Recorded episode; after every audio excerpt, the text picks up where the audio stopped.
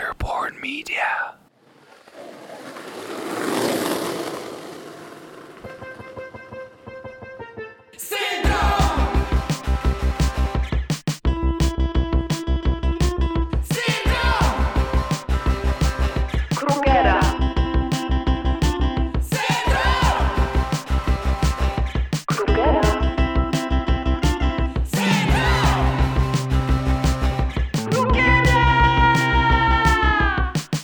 Syndrom Krugera. O robieniu rzeczy po raz pierwszy. Zaprasza Michał Rejent. Cześć Michał. Cześć, e, cześć Aldona.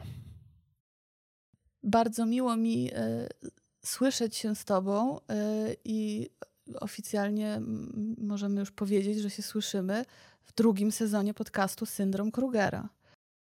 To już drugi sezon tego wybitnego podcastu. Pierwszy był o dziwo krótkim sezonem, ale bardzo mocnym. Nie, nieoczekiwane zwroty akcji, Porażające zwroty akcji. goście z przeróżnych środowisk. I myślę, że mogliśmy sp- sp- spojrzeć na nowo na Twoją historię. E, I jesteśmy teraz w drugim odcinku drugiego sezonu. To jest drugi odcinek. Tak, ale jest to pierwszy odcinek Twój y, bez gościa specjalnego, czyli pierwszy solo odcinek drugiego sezonu. pierwszy solo odcinek drugiego sezonu. Tak jest. To ważny odcinek.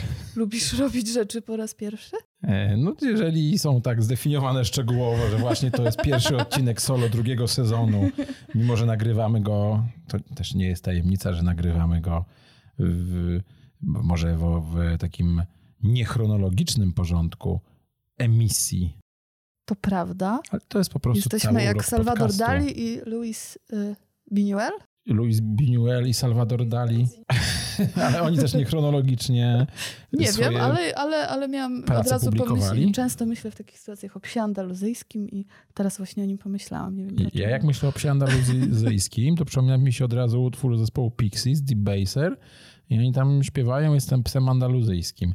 I jest, ko kocham ten utwór od dawna, po prostu byłem fanem Pixies, jak jeździłem na deskorolce i wtedy nie wiedziałem, o co im chodzi. A dopiero jak byłem starszy, zacząłem interesować się kinem i zrozumiałem sens tego utworu. Po raz pierwszy zrozumiałem sens tego utworu właśnie. Świetnie. Ja mam dużo utworów, których sens zrozumiałem po wielu latach. To znaczy, że jesteś człowiekiem rozumnym i analizujesz. No, ale to wiesz też oznacza, że jestem człowiekiem długo dochodzącym do tej prawdy. Nieważne kiedy. Ważne jak. Tak, był Biniuel, przywitaliśmy się. y, Już nasi słuchacze wiedzą, że y, jesteśmy y, w drugim sezonie i no, jesteśmy w pierwszym kwartale 2021 roku. 2021 roku muszę cię poprawić. A przepraszam, przepraszam, słusznie, poprawiaj mnie. Myślę, że wciąż możemy nawiązywać do dziedzictwa, jakie pozostawił po sobie rok 2020. No. Wiele rzeczy wydarzyło się wtedy po raz pierwszy. W zasadzie cały ten rok był po raz pierwszy. Wtedy też zaczęły się lata 20. y, Słuszna XXI wieku. Tak jest. No i to jest, to, to, są, to, to jest też rok narodzin syndromu Krugera. Tak, tak. I ten, Podcastu znanego, aż tak znanego, że stać go na drugi sezon. I właśnie w nim jesteśmy. ja uznałam, y, ja bardzo lubię cytować y, Mhm. mądrych ludzi, uznałam, Mhm. że y, możemy tutaj przywołać pewien cytat na początek tego odcinka, który nada tonu całej reszcie naszej rozmowy. Istoty żywe mogą być jedynie wówczas, gdy stają się. Istnieją jedynie wtedy, gdy zmieniają się. Zmiana i rozwój są inherentnymi jakościami procesu życia. Głupia sprawa z tym, z tym trudnym słowem, którego, które może mieć różne znaczenia, ale yy, yy, yy, słuchaj, tak. Czy wiesz, kto to powiedział? Erich Fromm. Brawo. Yy, to jest o zmianie. Tak. A o zmianie, która jest. yy, Znaczy, nie chodzi o to, że zmiana jest sensem życia, tylko zmiana jest życiem, bo bez zmiany nie ma życia. To prawda. E, Ale to jest bardzo trudna prawda do przyswojenia konserwatystom. zatwardziałym republikanom, ale jednocześnie myślę, że y, skrajnym lewicowcom owsz też. Zmiana polega na, na zmianie, na, na zmianie również też poglądów. Aczkolwiek nie jest to podcast o polityce zupełnie, nie jest, bo ja nie, mam jest, poglądów to jest, To politycznych, jest podcast syndrom tylko Krugera filozoficzne, I, i, I dzisiaj popłyniemy w filozoficzne czyli zmiana. odmęty twojego umysłu. E, czyli zmiana, a żeby zmiana... A skoro zmiana, to wiele rzeczy się robi po raz pierwszy. Trzeba coś zrobić po raz pierwszy. I teraz chciałabym się ciebie zapytać, czy w ogóle uważasz, że warto robić rzeczy i podejmować inicjatywy po raz pierwszy? I, i czym to dla ciebie y, jest, kiedy decydujesz się zrobić coś y, po raz pierwszy? I czy myślisz, że można mieć jakiś limit pierwszych razów w życiu? Wiesz co, to, to jest tak, że myślę, że, że te, to jakąś rzecz się robi po raz pierwszy, o rzeczy, o, idea zrobienia czegoś po raz pierwszy zawsze przychodzi z wewnętrznej energii przeświadczenia, że ta rzecz jest fajna, że sama ta idea o tej rzeczy jest fajna, typu pojadę pierwszy raz y, do strefy podzwrotnikowej. No i ta idea jest zawsze fajna. Jakby brzmi e, wyzwalająco. E, Pokazuje mi albo ci, albo komuś, kto tak e, sobie pomyśli, że, że żyjesz, że w ogóle masz siłę no właśnie odkryć coś innego ze świata, tak? No bo sami znamy ile z tego świata, w ogóle nawet nie milimetr, sekundę. Człowiek jest sekundą we wszechświecie, no to jak już chce pozostać tą sekundą, no to to nic nie pozna poza, poza po prostu sobą w lustrze, zamazanym lustrze. A, a tu chodzi o to, żeby poznać inne życia, do, dotknąć ich jakoś. No i ta sama myśl jest fajna, ale potem przychodzą same wątpliwości od razu. No bo trzeba się spakować, kupić bilet, y, ktoś się boi lecieć samolotem, albo ktoś nie zna języka y, na rzeczy Su- Suahili, albo etc., etc., pełno rzeczy. I, i, i, I myślę, że właśnie bardzo miła jest idea dla wielu ludzi zmiany, ale realizacja już jest niemiła. I, i niemiłość tej realizacji bardziej ich dotyka niż miłość tej idei, więc nie realizują. Łatwo jest odpuścić, jeżeli coś jest takie mgliste jeszcze. Ja tak? myślę, że to jest w ogóle, to, to nawet nie jest na, na, na et- to, to, nie dochodzi, nie, to się nie dochodzi do etapu odpuszczania, to jest po prostu taki etap idei, z której nic więcej nie wynika. To nie jest odpuszczenie, bo odpuszczenie już boli. Jak człowiek sobie pomyśli, hmm, odpuszczę, to czuje się źle. A nie po to są idee, żeby czuć się źle. Więc myślę, że ludzie zostawiają te idee zaparkowane do realizacji na czas nieokreślony. Na przykład wygram w lotto. Albo poznam bogatą żonę. Albo męża. albo, albo nieubogiego męża, albo na emeryturze. Na emeryturze to dopiero. E, bo jednak wszyscy pewnie e, nieświadomie, jak sobie tego nie uświadomią, to chcą żyć w takim, wiesz, e, w kokonie samozadowolenia, no bo kto by chciał być niezadowolony no, z życia. Niezadowolenie z życia może się źle skończyć, więc ludzie chcą być zadowoleni, mają fajną ideę, a potem już w ogóle nawet nie chcą spróbować iść dalej, bo to, to, pójście dalej zawsze będzie piętrzyć trudności. No i zapytałaś o mnie i ja mam takie podejście, że też mam zawsze te idee. Mam, mam tych idei pełno. Myślę, że ludzie mają ich dużo, ale niektórzy mają ich więcej. Ja oceniam, że ja mam więcej niż inni tych idei i cały czas mówię, dużo mówię, mówię i chcę coś tam sobie zrobić, zdobyć, osiągnąć. I potem po tej idei przychodzi mi też cały, cały jakby od razu mm, lista trudności i sam siebie przekonuję, nie, no to, to nie, ale nie chce mi się wyjść z domu, etc. I mam taką zasadę racjonalną, a nie emocjonalną, że jak mi się czegoś nie chce, to to robię. Bo, bo, to, jest, bo to jest proste, logiczne założenie. Bo jeżeli nie chce mi się czegoś robić, to znaczy, że wcześniej mi się chciało. Bo przecież nie pomyślałbym o czymś, czego mi się w ogóle nie chce. Tak na przykład musisz rzucić jakiś temat, o którym nie mam pojęcia, na przykład czy chce mi się grać na oboju. W ogóle mi się nie chce grać na oboju, w związku z tym nie czuję, że mi się nie chce grać na oboju. Obój nie istnieje w moich rozważaniach. Ale rzecz, o której mogę jasno powiedzieć, mi się tego nie chce, to znaczy, że kiedyś mi się chciało, ale się na przykład boję, albo boję się ilości spraw związanych z realizacją tej idei. No i wtedy sam do siebie mówię, widzisz Michał, nie chce ci się, etc. i inne rzeczy, nie chcę, nie chcę, albo boisz się, boisz, boisz, że, że będziesz wyśmiany, albo nie osiągniesz sukcesu i ludzie pomyślą, kurczę, patrzcie, nie udało się temu Michałkowi i wtedy sobie myślę, wszystko fajnie, ale przecież masz tą inną ogólną zasadę, że jak ci się nie chce, to robisz, no to działaj z tą zasadą. I ja właśnie tak siebie sam przekonuję. Podoba mi się ta zasada. Naprawdę? To jest, wiesz, to, To to jest zasada, którą trzeba stosować. jak mi się nie chce, to robię. Tak, bo to jest właśnie tak, że jak się na coś nakręcisz i masz za dużo oczekiwania, to potem się rozczarujesz. Jak ci się nie chce, ale się trochę zmusisz, to potem na koniec dnia okazuje się, że było warto. Nie pomyślałem o tym, masz rację. No, To jest świetny mechanizm wtedy, samozadowolenia. tak, super. Słuchaj, no ten podcast w ogóle zaczął się od tego, że ja byłam zaintrygowana historią twojego... Znaczy, nie zaczął się tylko od tego, ale to była jedna z myśli przewodnich, żeby wreszcie poznać całą tę historię i znamy już historię twojego pierwszego razu na deskorolce.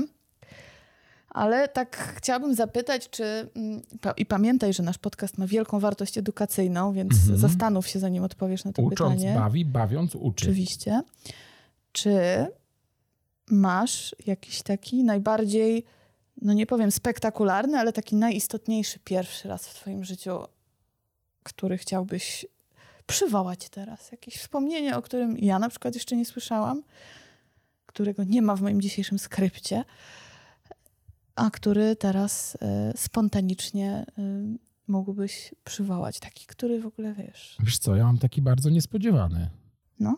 bo poczułem wielką swoją wartość i umiejętność, jak udało mi się zrobić prawo jazdy na motocykl. bo, bo, no bo ja się tego zawsze bardzo bałem. Jak miałem kilkanaście lat, to bardzo mnie fascynowały motocykle i, i jeździłem na różnych motorynkach. Mhm. E, No ale właśnie jeździłem na motorynkach i na jakichś mm, motorowerach e, polskich, na przykład Ogar albo Komar, Mhm. ale absolutnie się bałem wsiąść na motocykl. Ten motocykl wydawał mi się takim czymś za światu, wiesz? Przedsionkiem piekła. Wiesz, bo ja taki zawsze byłem ostrożny i, i racjonalny ten Ciężko motocykl. mi w to uwierzyć. Bo ja byłem, musiałem być za- zakłamany albo zła, byłem złamany przez, przez wychowanie okrutnych ludzi. Może nie świadome, ale naprawdę tak uważałem o sobie, że przecież ja nie będę, nie mogę jechać na motocyklu, bo to jest, y, tam jest duże prawdopodobieństwo wypadku, Mhm. więc y, to nie jest dla mnie. I dopiero jak miałem lat chyba 30, nie wiem, 36, postanowiłem się zrobić prawo jazdy na motocykl. I normalnie... Zdałeś za pierwszym razem? No właśnie nie, zdałem za drugim razem. Ojej, czyli taka jeszcze mała porażka do, do przełknięcia. Gorzka Mm, pigułka, czy nie, czy, nie? czy właśnie nie, spoko? chyba nie. nie. To nie była porażka, to były po prostu nerwy i za pierwszym razem to, nie, to są interesujące rzeczy. No, mój, mój, mój ku- kumpel Rafał, instruktor, y, oczywiście którego pozdrawiam w podcaście, jak wiele innych znajomych osób, bo są bardzo ważną częścią mojego życia, nawet jak tak y, niewielką, jak y, zrobienie prawa jazdy na motocykl, uczył mnie e, tych e, slalomu między pachołkami, zawsze zaczynanego od lewej strony. I, I mówił, że na egzaminie powiedzą, proszę zrobić slalom, pierw w jedną stronę, potem w drugą, a i powiedzą, zacząć od dowolnej strony, to ty, Michał, zaczynaj zawsze od lewej, bo się tak uczymy. No i pojechałem na ten egzamin i pan mówi, proszę zacząć slalom od prawej. Ja mówię, zaraz, zaraz, Rafał mówił, że od lewej, że coś, zaraz, zaraz. Proszę zacząć od prawej. Ja się tak zdenerwowałem, że ja w ogóle nie zrobiłem tego. Aha, aha. No i potem, e, ale teoretycznie zdałem za pierwszym. Super, Mhm. gratuluję. I naprawdę to prawo jazdy na motocykl to było taki, nie wiem dlaczego, tak mi to teraz przyszło do głowy. No to super, Wszystkie ale to inne- znaczy, że otworzyło ci potem Bardzo. drogę do ekscytujących podróży. Do jeżdżenia motocyklem, No legalnego jeżdżenia motocyklem Świetnie. otworzyło mi to drogę. E, I, I faktycznie wszystkie rzeczy związane z, z jazdą na motocyklu to są dla mnie po raz pierwszy. Na przykład sam sobie kupiłem jeden motocykl, a potem drugi, a potem poszedłem wybrać trzeci e, wbrew opiniom e, moich przyjaciół, którzy uznawali go za niefajny motocykl. To ja go sobie kupiłem i sobie na nim jeżdżę. To są takie moje radości. Małe radości. Słuchaj, y, w drugim sezonie nie zmienia się też to, że, że bardzo ważną częścią twojego podcastu jest muzyka. To się nie zmienia, bo to jest To bardzo ważną częścią mojego życia. Tak. Bo I jestem dlatego, fanem muzyki i słuchaczem muzyki. I dlatego teraz przyszedł moment na pierwszy utwór, y, który, który y, odsłuchamy, którego odsłuchamy. I y, no, bardzo bym chciała poznać, bo, bo zdradzę tutaj naszym słuchaczom, że to są utwory, które, o które ciebie zapytałam wcześniej, które kojarzą ci się z określonymi pierwszymi razami w twoim życiu. Więc e, teraz wszyscy z niecierpliwością i zapartym tchem czekają, aż im opowiesz historię. Jaki pier... jakie, jakie wspomnienie, jakiego pierwszego razu stoi za utworem Led Zeppelin? Diamond Maker. To może, To może, odsłuchajmy, a potem, może a potem właśnie puścimy ten utwór. puśćmy, a potem posłuchajmy tej historii. I to jest y, remaster z 1990 roku.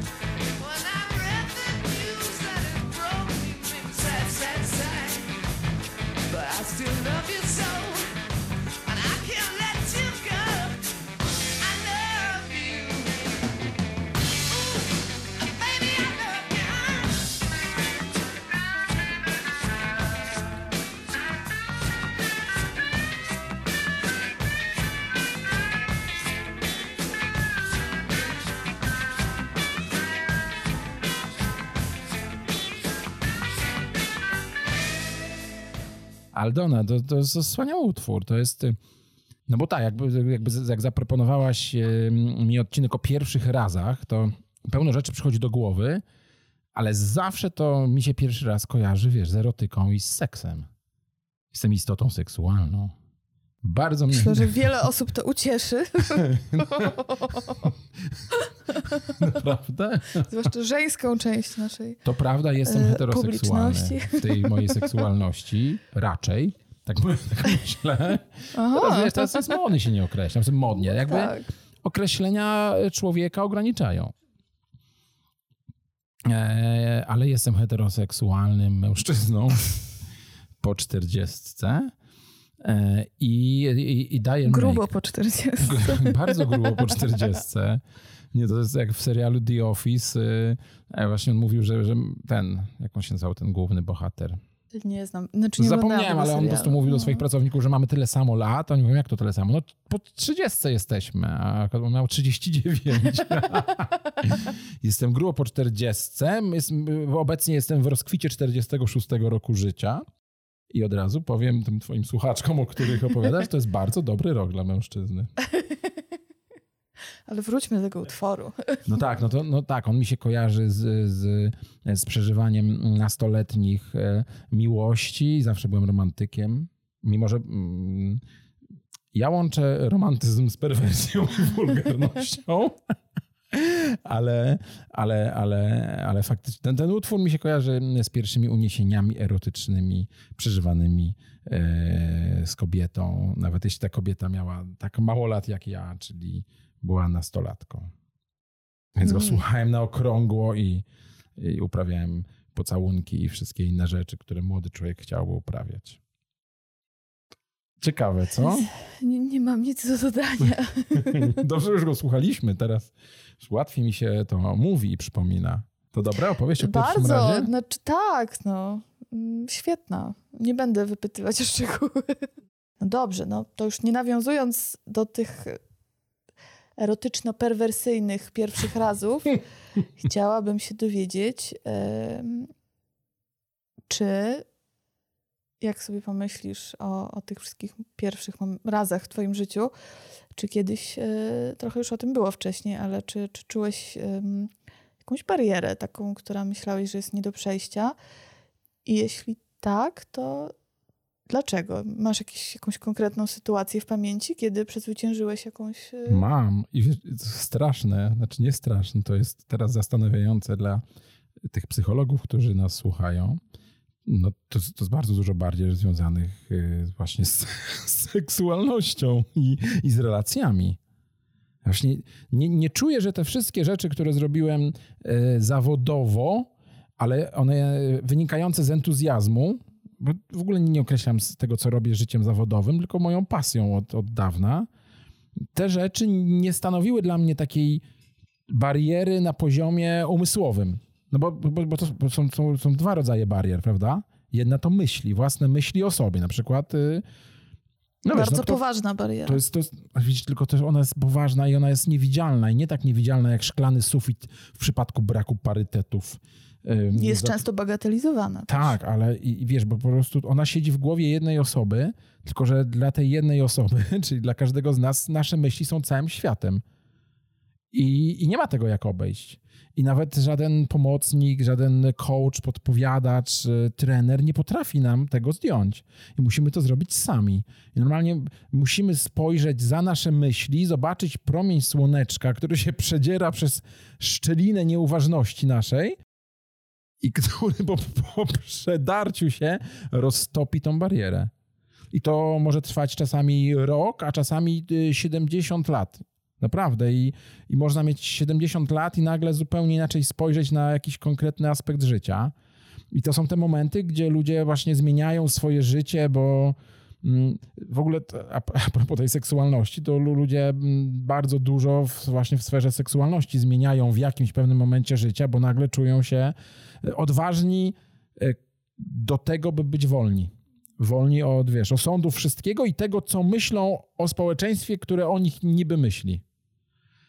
Więc to i to, są, i to jest, no, a druga bariera to jest bariera fizyczna, no to jest prosta bariera, no, to każdy rozumie, no jeżeli ktoś jest niski i nie ma refleksu, to nie będzie grał w NBA.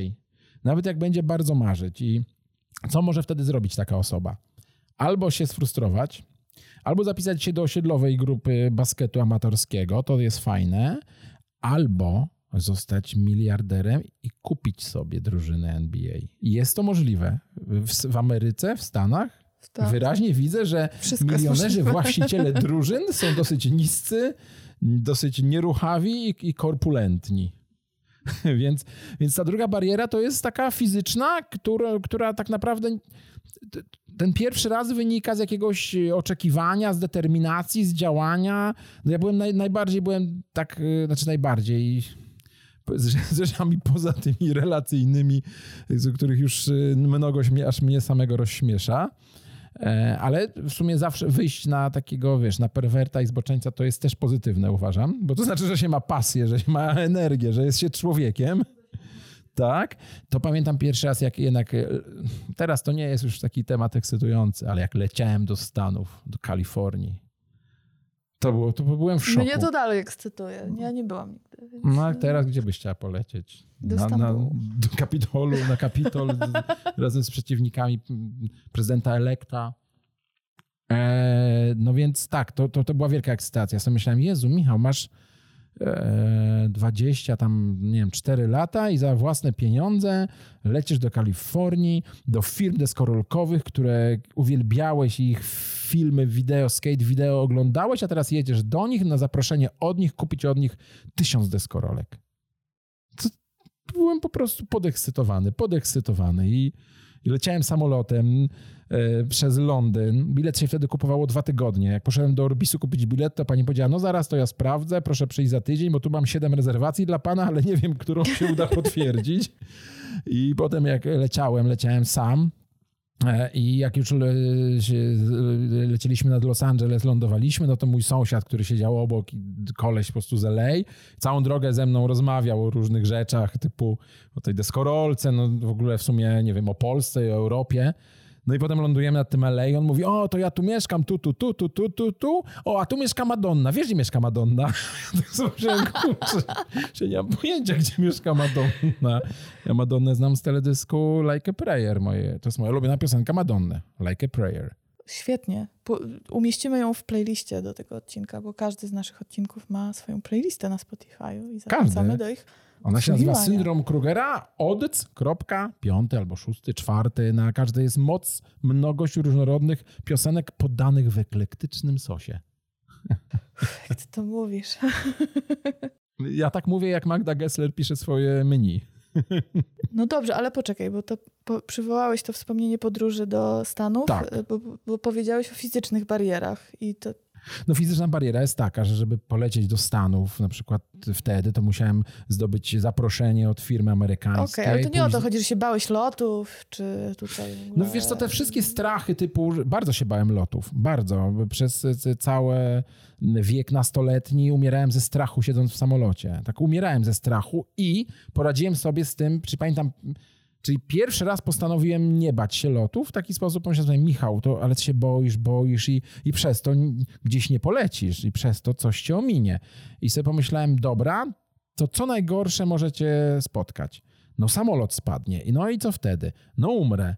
No i co? No i nic. Okej, to już się nie boję. I od tamtej pory w ogóle się nie boję lotów. Czyli można tak po prostu sobie zdecydować. A właśnie ja w to wierzę i potem porozmawiamy o takim jednym utworze, który po raz pierwszy zrozumiałem w 43 roku życia, słuchając go przez 25 lat bez przerwy. Zrozumiałem, o czym on jest. Ach, Ale- to ten. I ten dobrze. utwór jest właśnie, potem opowiem, ale można samemu sobie powiedzieć, bo to jest tak jak z ludźmi trzeba rozmawiać, to najważniejsze rozmawiać z samym sobą. Tylko trzeba zdefiniować, który to jesteś ty, a który to jest to ego. Kto to jest kto? Chyba muszę w trzecim sezonie pomyśleć o jakimś segmencie rozmów z psychologami, bo to mogło być pasjonujące. ja bardzo potrzebuję, tylko niech oni rozmawiają ze mną. No dobrze. E, To teraz troszeczkę tak polecimy w takie sentymentalne e, nuty, Mhm. bo mm, ja sama się zaskoczyłam, że chcę się ciebie o to zapytać, ale O, ponieważ twojego podcastu słuchają również rodzice, to chciałam się zapytać całe rodziny o ja dzieci. słyszałem. E, I o to, jaka jest rola rodzica w tym, aby ukształtować dziecko w taki sposób, żeby nie bało się tych pierwszych razów i przekraczania barier. Wiesz co, to jest dla mnie Jak ty to strasznie ważny robisz? temat. Jak ja to robię? No, No więc po kolei. Najpierw uświadamiam sobie, że rodzic jest dla dziecka osobą pierwszego kontaktu. I rodzic ma największą moc, którą może zepsuć dziecko, sprowadzić na złe tory, albo starać się pomóc dziecku rozwinąć jako pełnowartościowy, wrażliwy, pewny siebie, a zarazem empatyczny, chętny rozwoju człowiek. No i a propos pierwszych razów, to jest bardzo ciekawe. Teraz to do mnie dotarło. Dla dziecka każdy dzień jest pierwszym Super. razem bardzo wielu rzeczy. Pierwszy raz widzi, że na przykład rodzice się kłócą, niestety, albo że mama ma zupełnie inne zdanie niż tata. Albo pierwszy raz widzi, że nie wiem, nie jest akceptowane w grupie, jak z miłego przedszkola pójdzie do niemiłej szkoły. E, Tego jest bardzo dużo. No nie wiem, no, to jest tak, że trzeba nauczyć dzieci, że żadna konsekwencja tego jakiegokolwiek pierwszego razu, które, y, które, który, który dziecko, nie wiem, spotka albo dziecko go samo dokona, osiągnie, żadna konsekwencja nie jest zła ani dobra, w tym sensie, że nie nie ma plusu albo minusu, tylko zawsze jest y, dobra jako doświadczenie. Czyli w skrócie. Mam taki przykład. Już o, No. ja go zawsze powtarzam ludziom. Mam nadzieję, że te, tego podcastu słuchają ludzie, którzy akurat nie słyszeli tego mojego przykładu, bo, bo poczują się na przykład oszukani, że, że tracą czas, albo że ja cały czas mówię to samo. Ale to nie jest prawda, że ja mówię to samo. Ja po prostu mówię rzeczy ważne. A rzeczy ważnych jest niewiele na świecie, więc de facto Dobra, mów. powtarzam ważne rzeczy. No to, no bo mam dwóch synków. I ten młodszy, wiesz, zawsze chce przeskoczyć tego starszego. I jak dzieci są małe, czyli tak mam na myśli, że są między nimi duże różnice fizyczne, czyli półtora roku różnicy to jest duża różnica fizyczna, jak ktoś ma 6 lat, a ten drugi ma 4,5. Tak? To jest duża różnica No, fizyczna. Bo jak ktoś tak. ma 30 lat, a ktoś 32, to, To jest żadna różnica. No. To już nie. No i ten mój mniejszy synek, Felek, zawsze jest taki... Dużo rzeczy chce spróbować. To się dla niego kończy guzami, e, y, różnymi awariami ciała, szyciem, szyciem skóry u lekarza. E, no, po- każdym, po, po, po, każdej takiej akcji nikt mu nie mówi o Jezu, o Jezu, Felek, ty znowu, po co to zrobiłeś? Tylko każdy mówi, bardzo dobrze Felek, bardzo dobrze, no widzisz, ale super, a Guciowi, ja mówię, Gucio, ty jesteś ostrożny i ty tak akurat nie miałeś, ale ty jeszcze może nie skoczyłeś z tego murka. No i z Felkiem było tak, że byliśmy na plaży i na tej plaży był mur, taki mur, co miał dwa metry. Dwa metry to jest bardzo dużo, a ten Felek miał cztery lata i on mówi, ja chcę skoczyć z tego muru. Ja mówię, jak to chcesz skoczyć z tego muru? No, chcę skoczyć na piasek z tego muru. Ja mówię, ale to jest, to jest, to jest strasznie wysoko ten mur. On chce skoczyć na piasek z tego muru, bo on chce się nauczyć latać. Ja mówię, ale Felek, ale to jest bardzo wysoko. Nie, on chce skoczyć. Ja mówię, no dobra. Tak sobie pom- pomyślałem sobie, tak racjonalnie. Czy on się zabije? Nie. Może złamie e, nadgarstki i stopy, a może nic nie złamie, bo on skacze na piasek. Więc w zasadzie ja bym umiał skoczyć z takiego muru i skakałem ze różnych sobie budynków, jak miałem 12 lat, bo, bo chciałem zostać kaskaderem, jak, jak, jak, jak byłem w podstawówce. Nie zostałem, zawsze ten pierwszy raz. I słuchaj, w- w- Felek wszedł na ten murek. Ja tak y, stanąłem jakby pod tym murkiem na tym piasku e, i tak w sumie ukucnąłem i Felek skoczył, ale ja miałem w głowie, że jednak złapię tego Felka. Ja go złapałem 20 centymetrów nad tym piaskiem i byłem z siebie bardzo dumny, ale przez pół sekundy, bo jak spojrzałem w jego oczy, to widziałem w tych oczach wielką wściekłość, wielką wściekłość właśnie połączoną z rozczarowaniem, że on chciał sobie skoczyć i zobaczyć jak to jest, a tu go kurde ojciec złapał, ten ojciec, który właśnie zawsze usuwa pyłki spod nóg. I, ale jeszcze zanim się zdążył rozpłakać Felek, to ja mówię, dobra, skacz. Wtedy jeszcze akurat y, y, widziała to Eliza, mama Felka i, i tak w sumie podeszła do nas, mówi, Jezus Maria, co tu się, Jezu, Felek, Boże. Ja mówię, Eliza, teraz naprawdę cicho, on teraz będzie skakał. No Aha. więc Felek się wdrapał na ten mur jeszcze raz i skoczył na ten piasek i po prostu radość, jaką przyrzeka miał wtedy na twarzy, on do dzisiaj o tym cały czas mówi, że on chciał skoczyć z dwóch metrów i skoczył i mu się nic nie stało i on tak umie robić w życiu. No więc y, nasuwa mi się jeden wniosek, że trzeba tak robić później dorastając i stając się dojrzałym człowiekiem, żeby utrzymać to, że każdy dzień tak naprawdę... Wiesz, to jest tak, że tak, ale jednocześnie, że mur, z którego skaczesz, zawsze ma na dole piaseczek. To, to, to trzeba też utrzymać. To jest dobry cytat, ja go wykorzystam później w promocji tego odcinka. Czyli po prostu, nie, żeby nie stawiać zamków na piasku, tylko solidne mury, które cię prowokują do, do skoków. Mhm. Mam jakiś, jakiś utwór o murze? O skoku, o E, jeszcze piasku? nie, jeszcze nie, ale to poczekaj, może do tego jeszcze dojdziemy. E, Ale skoro jesteśmy przy piasku, Mhm. to porozmawiajmy o potędze natury. Potęga natury. Tak, bo ty mi ostatnio opowiadałeś, jak sobie rozmawialiśmy, o, e, takie robiliśmy sobie podsumowanie twojego roku, to powiedziałeś mi w ogóle rzeczy, o których nie mogę zapomnieć i ja muszę to zrobić, jak już będzie można podróżować. Może już w tym, Może już w tym roku. może już, może już jak ten odcinek będzie emitowany, to już będzie można, ale po- opowiadałeś mi historię o tym, jak po raz pierwszy spałeś na wulkanie. I chciałabym, żebyś opowiedział o tym ze szczegółami i opowiedział mi, jak to jest czuć pulsujące jądro ziemi pod sobą. E... I czy może jeszcze było coś na Bali, co się wydarzyło po raz pierwszy? Wiesz co, bo spanie na wulkanie brzmi... No, no dobrze, dobrze. Spanie na wulkanie. No, to spanie na wulkanie akurat, które... Gdzie, gdzie faktycznie spałem w namiocie na wulkanie, ale nie odbieram tego mm, tak e, ekscytująco jak ty, bo jednak to była taka semi-turystyczna atrakcja. Bo mieliśmy tam przewodników, no oni szli z nami na ten wulkan i faktycznie było tam trudno wejść, ale potem oni tam mieli jakiś namiocik. I faktycznie jak się rano obudziliśmy, to, to, to była ultramgła, która przeszła we wschód słońca nad innymi wulkanami.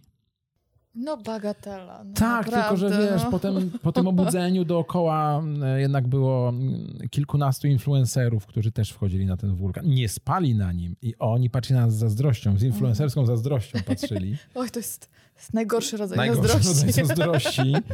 E, I znaczy, słuchaj, ten wulkan jest super, bo z niego się widziało drugi wulkan, taki, który wybuchł w, tyś, w latach 60., tam zabijając parę setek ludzi, więc e, tak sobie cały czas myślałem, o Jezu, o Jezu, śpię na wulkanie, który może wybuchnąć, ale nie mam z tym związanych takich e, myśli e, kształtujących moją, moją pokorę do potęgi natury. Okej. Moje pierwsze spanie gdzieś takie ekscytujące to jest w Szkocji, na wyspie Skye, gdzie właśnie pojechałem z Jankiem Ach. Kriwolem z plecakami. W plecakach mieliśmy namioty i jedzenie, i kuchenkę, i e, whisky Talisker. To jest jedyna whisky e, produkowana na wyspie Skye. Aha. No więc mieliśmy tą whisky i szliśmy pieszo przez 8 godzin i się wspinaliśmy po jakichś skałach, aż dotarliśmy do takiego klifu. I słuchaj, na dole był. I to jest, jak już się wspięliśmy na ten klif, to tak sobie skojarzyliśmy, że od 5 godzin nie widzieliśmy człowieka żadnego. Cudownie. I, I to były tak, a żadnych, a influencerów już absolutnie. Sami przejęliśmy tą rolę, wiesz, bo nagraliśmy dużo fajnych wideo. I tam rozbiliśmy w. To, to był sierpień, więc typowy miesiąc deszczu i wiatru w Szkocji. I na wietrze, na, na jakichś tam 16 stopniach rozbiliśmy namiot i spaliśmy na takim klifie pierwszy raz w takiej po prostu dziczo od ludzi. Czy, Dzi- czy spotkaliście jakieś dzikie zwierzęta? Nie, spotkaliśmy te zwierzęta, które tam hodują, to chyba są takie barano-owce. Kozy, nie wiem, takie co chodzą e, i mają te białe różne rzeczy. Ich było pełno, e, więc e, chyba nie ma dzikich zwierząt w Szkocji. Okej. Chyba to są, to są najdziksze, wiesz? Zaprosimy jakiegoś e, specjalistę od przyrody szkockiej. Szkockiej. Bardzo bym chciał. Bardzo, bardzo dużo też ludzi napisało do mnie na Instagramie po tej naszej podróży. Tak, bo na twoim Instagramie można znaleźć sporo zdjęć tej Można, jest zakładka Scotland. Tak, tak, zachęcamy do odwiedzenia jej. To i te- I ten raz jest dla mnie, tak jeszcze bardziej czuję w nim potęgę natury niż to spanie na wulkanie na Bali. Nie, nie, nie, mam nadzieję, że nie, nie uraziłem twoich uczuć. Absolutnie, to Dobrze. jest wspaniała historia. Ale, ale, ale jeszcze zanim... No ta, tak, to, ważna jest ta Szkocja. To zdecydowanie jest dobry, e, dobry Wspaniała jest ta trop, Szkocja, który nigdy tak nie przywołałeś. myślałem. E, porozmawiamy jeszcze o Szkocji, ale ja jeszcze wrócę się na to Mhm. Bali, Koniecznie, bo, koniecznie. bo tam, tam tak naprawdę spędziłeś bardzo dużo czasu w zeszłym roku. E, I tam przeżyłeś doświadczenie pierwszej globalnej pandemii. Tobie oczywiście pewnie jest się niezręcznie chwalić, to ja się pochwalę za ciebie, że bez szwanku przeprowadziłeś y, firmę przez bardzo trudne warunki i w ogóle całe to doświadczenie tej pandemii. Robiłeś to zdalnie, w innej strefie czasowej. Jak to się robi? Jak się prowadzi firmę przez pół roku y, w ogóle z innego miejsca na świecie, z różnicą czasową? Co ci to uzmysłowiło? Y, Na pewno nastręczyło ci to dużo trudności. I jakie wyciągnąłeś z tego wnioski? Aldona, dziękuję ci za to pytanie, bo nasz, ten pod, nasz podcast e, wspominałeś, że ma walor edukacyjny.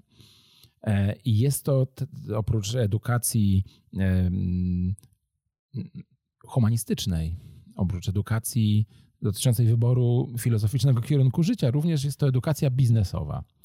Jak prowadzić, jak prowadzić small business? Jestem, ja jestem typowym przedstawicielem small Myślę, że to Small jest and middle business. Kwestia ale, dys- No, ale, ale okej.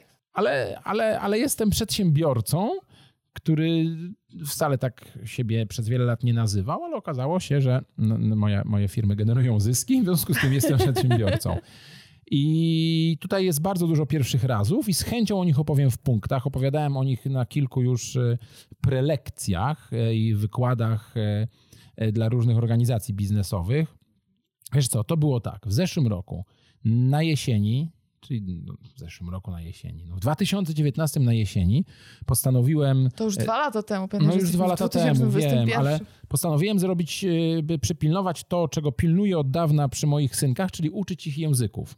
Ja ich, ja ich bardzo z, z całą odpowiedzialnością tego słowa męczę i pilnuję, jeśli chodzi o języki, ale, ale w moim podejściu. To znaczy nie, że codziennie się uczą gramatyki, tylko na przykład, że od dziecka oglądają tylko filmy po angielsku, oglądają angielską telewizję, bawiąc się uczą, ucząc się bawią. No i e, pomyślałem, że na ten trudny okres e, zimowy, trudny w rozumieniu e, szarości polskiej pogody, smogu obecnego w miastach, ferii zimowych, które powodują mm, niekonieczność chodzenia do szkoły, wybiorę się z dziećmi na trzy miesiące, na dwa i pół w zasadzie, na dwa i pół miesiąca na Bali i zapiszę je tam do szkoły. Ach, oni tam do szkoły chodzili. Oni tam chodzili do szkoły, A. Sanur International School, y, którą znalazłem z moim przyjacielem Jackiem, który na szczęście mieszka na Bali ze swoim synem. Jego syn, Stasio, jest w wieku moich synów. To jest Jacek, Jacek, tak, Jacek mieszka na Bali od paru lat. E, zapisaliśmy nasze dzieci do szkoły. Do szkoły, e, do szkoły australijskiej z kurikulum angielskim. Do szkoły chodzili, chodziły dzieci różnych narodowości, bardzo dużo e, Chińczyków, dużo lokalnych e, e, dzieci, e, bogatych przedsiębiorców, e, Brytyjczycy, Australijczycy. Jak w Polsce powiedziałem to moim synkom, to byli przerażeni. Powiedziałem im, chłopcy, pójdziecie do szkoły, gdzie po prostu będziecie mówić po angielsku. E, Był wielki bunt, wielki, e, ale, ale, absolutnie ten bunt i ten płacz nie przekonał mnie do zrezygnowania z mojego podejścia. Wynająłem dom w miejscowości dosyć turystycznej, takim balijskim Sopocie, która jest e, atrakcyjna turystycznie, do mieszkania nie do końca, ale blisko było do szkoły i blisko było do tego ich kolegi. Wynająłem dom. E, wziąłem jeszcze nianię chłopców z Warszawy, naszą ciocię Tereskę, żeby gotowała polskie naleśniki.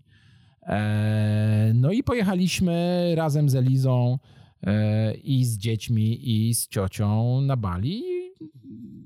Mieli tych, tych, tych, wiesz jak pojechaliśmy? Pojechaliśmy w ostatni dzień 2019 roku. Wylądowaliśmy tam o 16, więc Sylwestra już mieli na Bali. Mm, e, I to był ich tak pierwszy fajny raz, bo, bo według nich podskoczyli stojąc w wodzie w powietrze o 23.59 sekund 59, a do w wodzie wylądowali już w nowym roku. I potem mieli jeszcze 4 dni odpoczynku, a potem już ich zawiozłem skuterem do szkoły. I zostawiłem w tej szkole na cały dzień. Okazało się, że już po pierwszym dniu to jest szkoła fantastyczna, bo jest tam zajebista, znaczy bardzo fajna rzecz. Otóż w tej szkole na lunch jest pizza. Ojejku. I to po prostu ta różnica, że tu u nas nie ma pizzy w Warszawie w szkole, a tam jest pizza, hot dogi, hamburgery i spaghetti, bo się zamawiało dowolnie, spowodowała, że, że ta szkoła była super. Aha. I chodzili do tej szkoły 2,5 miesiąca. E, A ja przez te 2,5 miesiąca no, miałem trochę odpoczynku i mm, zajmowałem się jakby zarządzaniem firmą. I już wyjeżdżając na te 2,5 miesiąca, wszyscy moi tu partnerzy i partnerzy biznesowi byli pełni podziwu, jak mogę podjąć taką decyzję i się odłączyć e, z firmy na, na tyle, co nie uważam za bardzo długi okres czasu. To, to, to dzisiaj tak myślimy, wiesz? Kiedyś myślę, kiedyś, e, kiedy nie było internetu i takich Tak. szybkich. Czyli to teraz tak, ten internet teraz nam pomaga w komunikacji, o czym zaraz opowiem, ale tak, tak robi wrażenie, że jak kogoś nie ma dostępnego obok w ciągu dnia, to znaczy, że on jakby umarł. Natomiast wszyscy jakby, jakby po- podziwiali to, że wyjeżdżam, ale jednocześnie wyrażali wielkie zaniepokojenie, że, moim stanem umysłu, moim zdrowiem psychicznym, Ojej, jak, jak mogę tak. podjąć taką decyzję. Michał, czy, czy, czy ty przemyślałeś to?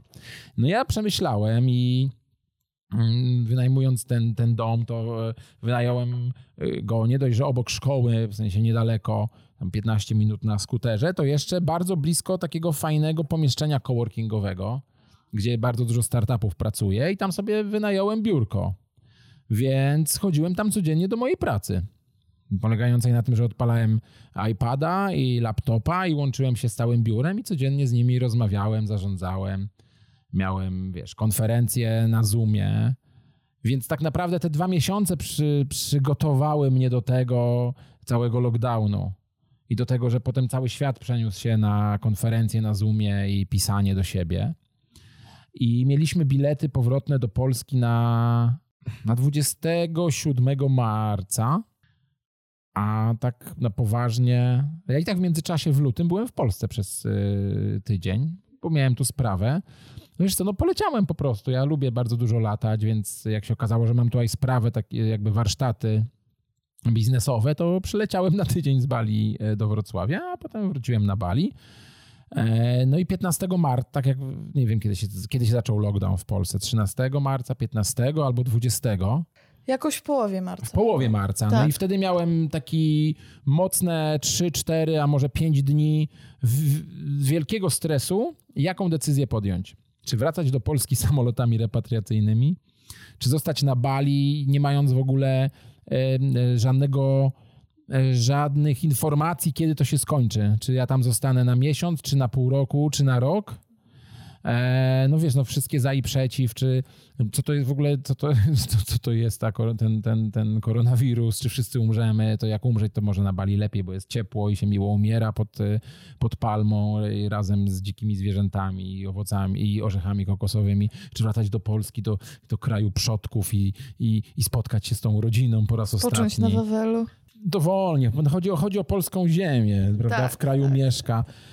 E, no i podjąłem decyzję, żeby tam zostać, że sam powrót jest już stresujący i ryzykowny, więc skoro powrót jest ryzykowny, no to w takim razie łatwiej jest zostać i wynajęliśmy inny dom e, na, niedaleko plaży, w zacisznym miejscu i tam siedzieliśmy następne ponad 4 miesiące. I I wiesz co, to jest tak. Na pewno fajniej się siedzi na Bali w zamknięciu niż w Warszawie albo w jakimkolwiek mieście, mieszkaniu, kiedy nie można na rowerze jeździć po mieście i chodzić do lasów. Na Bali też nie można było chodzić na plażę przez dwa miesiące. Nie za bardzo można było chodzić do lasów, ale na pewno na ludziach tam robiło to mniej destrukcyjne wrażenie niż e, na ludziach tutaj.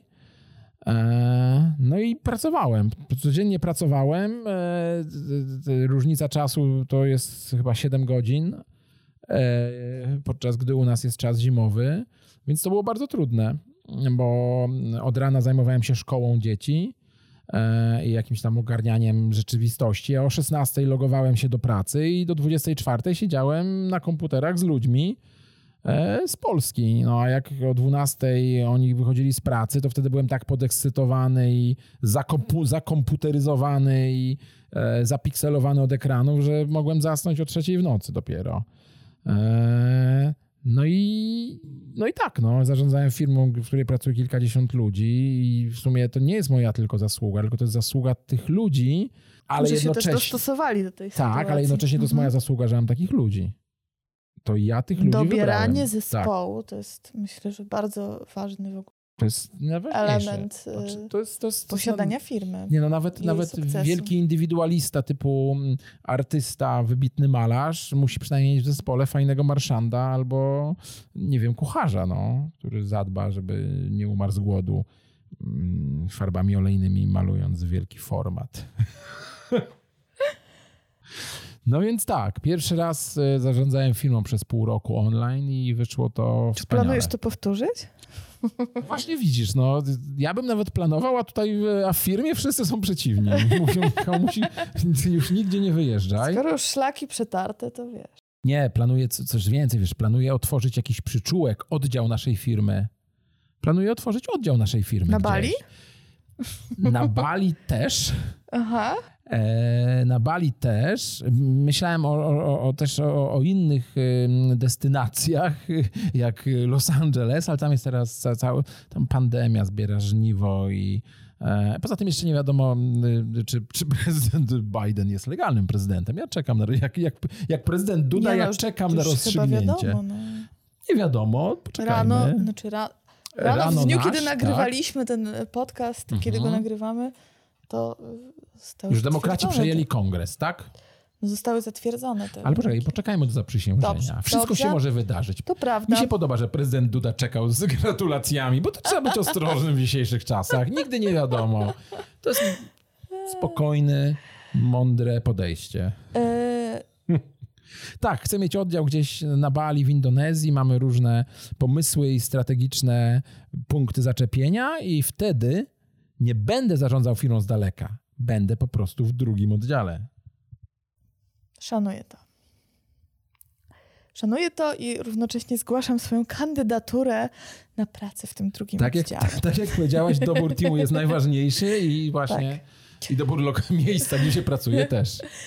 E, A ponieważ już było wcześniej o tym, że nie traktujesz, e, nie wiem czy to już było na antenie, czy poza anteną, że nie, nie traktujesz swojej pracy jako pracy, tylko jest ona też twoją pasją, to przyszedł moment na kolejny utwór.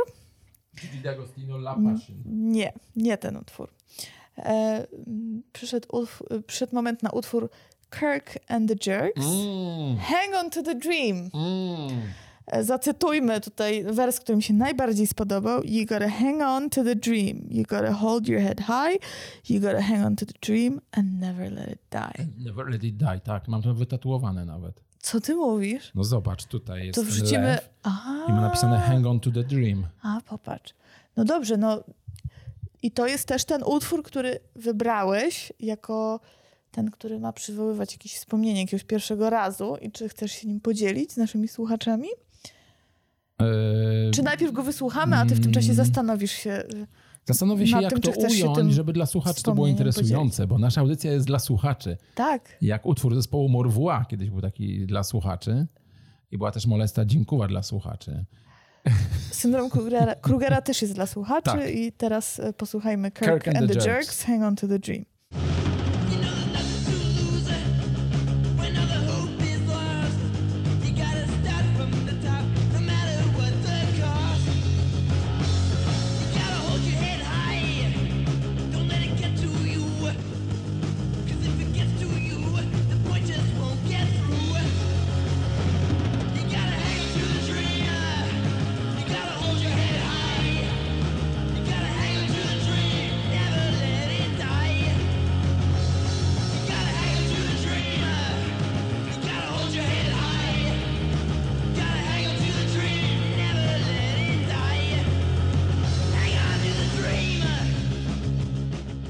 Wysłuchaliśmy utworu Kirk and the Jerks, Hold on, Hold on to the Dream. Czy w międzyczasie, jak go słuchaliśmy, mm, podjąłeś decyzję, że chcesz się podzielić y, wspomnieniem pierwszego razu, który wiąże się z tym utworem? Nie, no to ja mam z tym utworem pierwsze razy, za każdym razem, gdy zaczyna mi brakować energii i determinacji, żeby dokończyć e, walkę o jakieś marzenie. I wtedy po raz kolejny słucham tego utworu jak po raz pierwszy. I, od, i po prostu czuję z niego wielką siłę. Jak za każdym razem czuję z niego siłę, bo to jest też ten moment, kiedy wierzę, że człowiek nie ma marzeń, tylko plany. Marzenia są ulotne. Więc jak jest coś, w co wierzysz i coś bardzo chcesz, to nazwij to planem. No ale musi się zacząć od tego. No marzenia. tak, ale chodzi o to, żeby każde marzenie przekuć w plan. Żeby potem to już nie było marzenie, tylko twój plan. Plan, który zrealizujesz. No bo ja, ja nie chcę umierać i myśleć sobie, Jezu, jakie miałem marzenia, ojej, ojej. Nie chcę, ja nie chcę mieć marzeń. Ja chcę mieć plany. Znaczy, niech to, to jest, marzenie to jest idea, a potem biorę tą ideę i po prostu ją okuwam, tak jak kurczę, wiesz, ten, ten, ten, ten węgielek z kopalni diamentów, oczywiście z, z etycznej kopalni diamentów, oczywiście. e, nie, nie żadnej krwawej, tylko fajnej, takiej miłej kopalni diamentów u, u fajnych, miłych ludzi. Mhm. To tak, nie mam marzeń, No, mam plany. Enigmatycznie dosyć z tego wybrnąłeś, ale, ale przyjmuję to. Fajnie. Przyjmuję to, bo to ma takie, wiesz, szersze filozoficzne znaczenie w naszej dyskusji. Bardzo. Nasza w ogóle dyskusja jest filozoficzna, tak, tak samo jak i podcast. Ja się bardzo, w ogóle się świetnie bawię w czasie dzisiejszego nagrania. I Bardzo Aldona, mnie to ja to mnie cieszy. ale to jesteś dopiero jedną osobą, a tu chodzi, żeby też słuchacze się bawili. To prawda. Mam Bardzo nadzieję, że im się też prosimy. udzieli e, atmosfera e, naszej Tak. dobrej zabawy. Michale,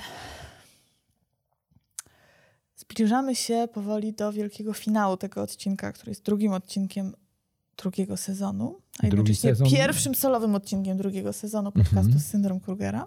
I ja teraz tak na koniec mam taką klamrę za, Jezu, już jest zamykającą, e, nasze tutaj dywagacje i, i dyskusję. Czy w sumie to tak naprawdę wolność umysłu do tego, by czuć radość z odkrywania siebie na nowo, rozwijania się i działania, to jednocześnie wrażliwość na dostrzeganie tego, jak zmienia się świat? Mhm. Czy, czy To jest pytanie, tak? Czy wolność umysłu to dostrzeganie tego, jak zmienia się świat? no, że tak dzięki temu, że jesteś wolny, jesteś wrażliwy na to, co w ogóle dzieje się dookoła ciebie i nie masz takich klapek na oczach. No bo okej, to jest Czy, czy to jest dla ciebie istota szczęścia, ta wolność, ta wolność w ruchu i wolność w działaniu? Wiesz co, ja jestem tą astrologiczną siódemką. Wyobrażeniem mojego znaku jest rydwan.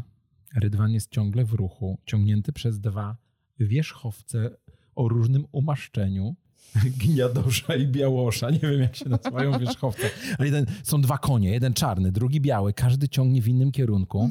A ja jako ten powożący rydwan, rydwanomistrz, muszę, muszę te konie po prostu kontrolować, żeby one biegły do przodu. Okiełznać. I teraz, co jest na rydwanie? Nikt. Ja jestem sam jeden. Nie ma miejsca dla nikogo innego i nie ma miejsca na bagaż. Więc to, że ja jestem w ruchu, to wynika z tej mojej astrologicznej siódemki, więc nie polecam tego osobom, które na przykład mają czwórkę, jak cesarz. Cesarz siedzi sobie w swoim To ja, pałacu. to ja. No właśnie, ty nie wiem, jak podchodzisz do życia. Ty też lubisz ruch, ale może nie aż taki jak mój. Ja jednak lubię gwałtowne zmiany. Wiesz, jak tego jednego konia pociągnę, on skręci szybciutko, to ja mam szybko tą zmianę. Więc nie, ja, nie, ja nie, odkry, nie, nie chcę tutaj brzmieć jako odkrywca prawd uniwersalnych dla wszystkich, tylko odnosić się do mnie, bo ja jestem całym swoim wszechświatem, tak jak ty jesteś cał, całym swoim wszechświatem i nasze szczęście jest takie, że nasze wszechświaty spotykając się nie kolidują, tylko zazębiają się w tej małej czasoprzestrzeni, która nam towarzyszy. I, i, teraz, I teraz ta wolność umysłu dla mnie jest tym, żeby zrozumieć, że świat się zmienia i że taki człowiek jeden jak ja musi się dostosować do wszechświata. Musi, bo, bo wolność polegająca na parciu wbrew wszechświatowi, wiesz, kończy się tym, co zaprezentował e, ten biedny Ikar syn Dedala, nie? Znają nasi znają, słuchacze znają tę historię. słuchacze, na tak, to, pewno. to nie jest, to nie Bo jest nowa słuchacze historia. są mądrzy i e, wykształceni, i, wykształceni i ich wiedza sięga czasów przedbiblijnych, więc ja nie chcę być ikarem, chcę być rozsądny jak Dedal, bo Dedal też sobie polatał i lata dalej. Ja rozumiem, że Ikar że chciał do słońca i w ogóle jego wolność była, to jest tak, skala wolności Ikara była wyższa niż Dedala, ale zbyt krótko trwała, żeby mógł ją docenić. Nie chcę być Ikarem. To jest tytuł twojego singla następnego. Tak, nie chcę być Nie chcę Ikarem. być Ikarem. I don't wanna be an Ikar. Michale, przyszedł właśnie ten moment na utwór y, finalizujący nasz odcinek. Rozmawiamy o tym utworze już jakiś czas i to jest utwór performatywny, Jezus.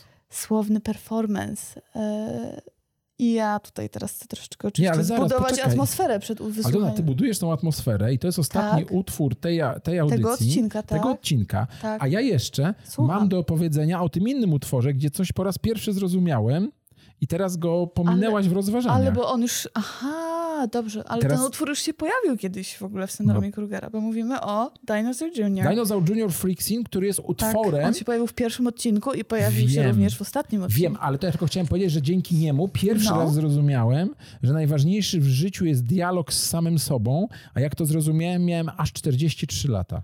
Dopiero jak miałem 43 lata, zrozumiałem bardzo wiele rzeczy z życia. Wcześniej Mhm. byłem bardzo e, ograniczony. Nie prowadziłeś dialogów ze sobą wcześniej. Myślałem, że wiesz, prowadzę, a to, a to po prostu były przekrzykiwania.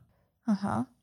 Więc e, tak, analiza Teraz każdy ze słuchaczy naszych musi odpowiedzieć sobie na pytanie, czy on siebie słucha i prowadzi swój dialog, czy się czy przekrzykuje. krzyczy na siebie wulgarnie albo cichutko z podszeptem. Zachęcamy Dobrze, was do dialogów. Ze dialogu, ale już y, wróćmy do, do twojej przemowy o ze utworze performatywnym, bo to tak zabrzmiało, że każdy ze słuchaczy teraz sprawdza definicję performatywności. To jest muzyka elektroniczna, która jest połączona z pewnym głosem i ten głos należy do nauczyciela medytacji o enigmatycznym pseudonimie Burks. Burks, yes. Guy Burks, Guy. czyli brytyjski nauczyciel medytacji, który tłumaczy głębokie i starożytne nauki na przystępny współczesny język. To jest człowiek, który porzucił swoje dotychczasowe życie i udał się na poszukiwania sensu istnienia. Te poszukiwania zawiodły go na wyspy Indonezji, wzgórza Himalajów oraz do lasów Myanmar. Swoje wyjazdy inspiracyjne Czyli Azja. gdzie naucza organizuje od 1996 roku, czyli podobnie tak jak ty. Ale ty nie, nie organizujesz oczywiście wyjazdów inspiracyjnych, Tak. chociaż może jest to coś, o czym powinniśmy pomyśleć. Myślę, że świetnie sprawdziłbyś się w roli y, nauczyciela medytacji. No już mam pierwszą chęt, chętną osobę do wyjazdu, ciebie, do Tak. tego oddziału naszego jakiegoś biura, placówki zagranicznej. Także tak naprawdę wszystkie rozmowy zmierzały właśnie do tego odcinka i do tego momentu, bo to dzisiaj właśnie się dowiemy. I ja też się dowiem, a mnie to bardzo ciekawi i cała Polska się dowie, wszyscy nas słuchacze się dowiedzą, dlaczego właśnie ten utwór wybrałeś y, do zilustrowania Hmm. jakiegoś pierwszego razu w twoim życiu. Wiesz co, mm, chcesz jeszcze coś powiedzieć? Em, nie, teraz chcę posłuchać ciebie. O, ten... No I, tak. I na koniec puścimy ten utwór, ale ty zrób wstęp jeszcze. Dlaczego właśnie ten Mhm. utwór i co on w twoim życiu znaczy? Słuchaj, dlaczego ten utwór? Ten utwór dlatego, bo tak mówi Spotify. Jak Spotify e, wypuszcza co roku podsumowanie mm, utworu, który słuchałeś najwięcej, to mówi do mnie Burks Mountain Wolf. No to, no to wiesz, Spotify nie może się mylić, bo to jest jednak y, mm, ogólnoświatowa firma, która odniosła wielki sukces, tak? Słucha jej, y, nie wiem, 200 milionów osób no to, no to, to oni mają przewagę big data. No to w takim razie, skoro oni wiedzą, że Michał, pan Kruger, tak słucha tego Burksa, no to tak musi być. Ten utwór jest e, tak wzruszający i wstrząsający i poznałem go przez, e, przez przypadek. To znaczy byłem w, w trudnym okresie mojego życia i to też było tak podobnie jak z tym Freak Scene, o którym ci opowiadałem przed chwilą i państwu e, trzy lata temu. I, I byłem u mojej bardzo fajnej przyjaciółki Aleksandry w Hongkongu, którą też pozdrawiam. Pozdrawiamy jest Aleksandrę z Hongkongu. Tradycja pozdrawiania ludzi, e, których cenię, jest tradycją bardzo ważną w syndromie Krugera. I rozmawiałem z Olą o różnych rzeczach. I leciała muzyka w tle, którą Ola puściła. Mówię, Jezu, co to jest? Jezu, co to jest? Jezu, Ola, co to jest? Ola mówi, no to jest Burks, no musisz, musisz go posłuchać. No, Boże, musisz. No i tak zacząłem go słuchać i go cały czas słucham. I fakt, wiesz co, to jest, bo to jest utwór zespołu, który się nazywa Mountain Wolf. To jest wspaniały zespoł muzyki. Ja nie wiem, czy, czy to może, mo, może on jest na półce pod nazwą muzyka elektroniczna, tylko dzisiaj już nie ma półek z muzyką. No, to prawda. Ale jak myliśmy młodsi, 20 lat temu były sklepy muzyczne, gdzie się wchodziło i się były półki, prawda? Hip-hop, muzyka elektroniczna, alternative, pop rock, New Age. New Age. to, te, te, te, te płyty były tam ustawiane przez pracowników sklepu niekoniecznie tak, jak można by się było tego spodziewać. Wiesz, to nie było łatwo odkryć swój ulubiony zespół. Był punk rock, ale był też był heavy metal, był death metal w dobrych sklepach. No i jeżeli mówisz, że Mountain Wolf jest pod muzyką elektroniczną, to okej. No i ten Mountain Nie Wolf... sprawdziłam tego, tak przyjęłam. Właśnie, no ale no może. I wiesz co, i oni wzięli taki wykład tego Burksa, który teraz już wiemy, że jest właśnie nauczycielem medytacji, osobą uduchowioną. I jak byłem młodszy, to też uważałem, że idea, że ktoś się udał na, na poszukiwanie sensu życia, to po prostu jest idiotyczna. A teraz wiem, że, że to nie jest idiotyczna. To jest jedyna rzecz, którą można robić w życiu, bo sens życia to jest poszukiwanie prawdy. Y, Prawdy o świecie, co, co jest bardzo trudne, bo jedyną prawdą o świecie, jaką znasz, to jest twoja prawda. A, a chcesz się dowiedzieć, co sądzą o świecie pozostali ludzie z 8 miliardów. Pomijając to, że umiesz się porozmawiać w języku niewielu tych miliardów z tych innych 8 miliardów i masz swoje przekonania religijne i społeczne zupełnie odmienne od tych innych ludzi, to strasznie trudne zrozumienie tego i bardzo mnie zaczęli interesować filozofowie i, i, i takie różne mm, kierunki. No ale ten Burks w połączeniu z tą elektroniką, którą daje Mountain Wolf, no jest po prostu tak sensualny i tak trafiający naraz. To jest- jedyny utwór, który naraz trafia do serca i do rozumu.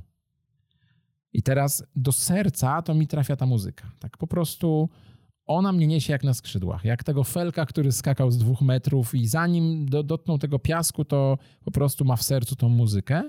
Natomiast Burks tak mówi doskonale o życiu. I co on tam mówi? Że takie wiesz, co proste buddyjskie, znaczy tak myślę, bu, bu, bu- buddystyczne, buddyjskie, nie wiem jak to w ogóle Buddyjskie. chyba. proste nauki Tak. Buddy. O tym, że w ogóle nie jesteśmy wyjątkowi na tym świecie. Że jest naprawdę 8 miliardów ludzi i że to świat jest wyjątkowy.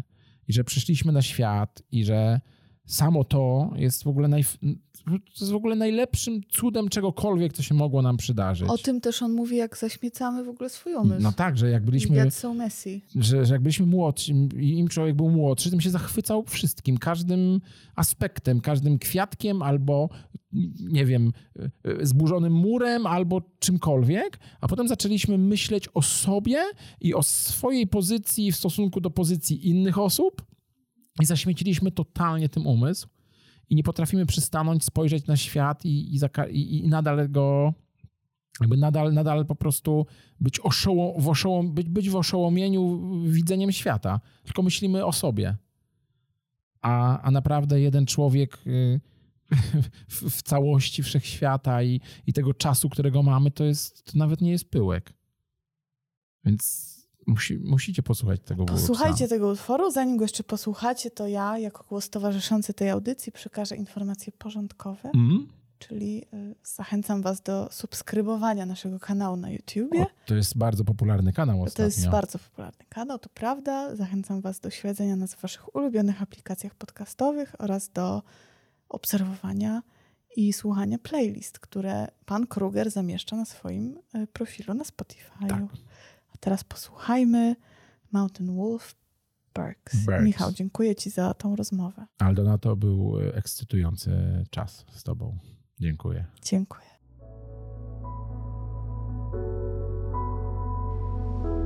The chance to be part of this happens briefly. The invitation is not to show how inventive and imaginative you are, but how much you can notice what you're already part of. And appreciate it and share it. And care about those that are around. Look out for their welfare while you're looking out for your own. That's it.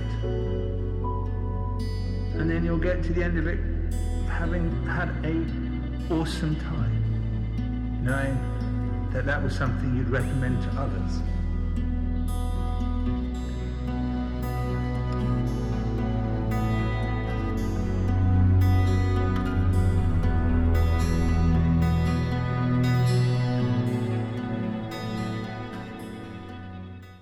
Co dwa tygodnie nowy odcinek, wszędzie tam, gdzie słuchasz podcastów lub, jeśli wolisz, na YouTube i na www.syndromkrugera.pl. Subskrybuj i obserwuj, żeby nie przegapić premiery. Produkcja i realizacja Earborn Media.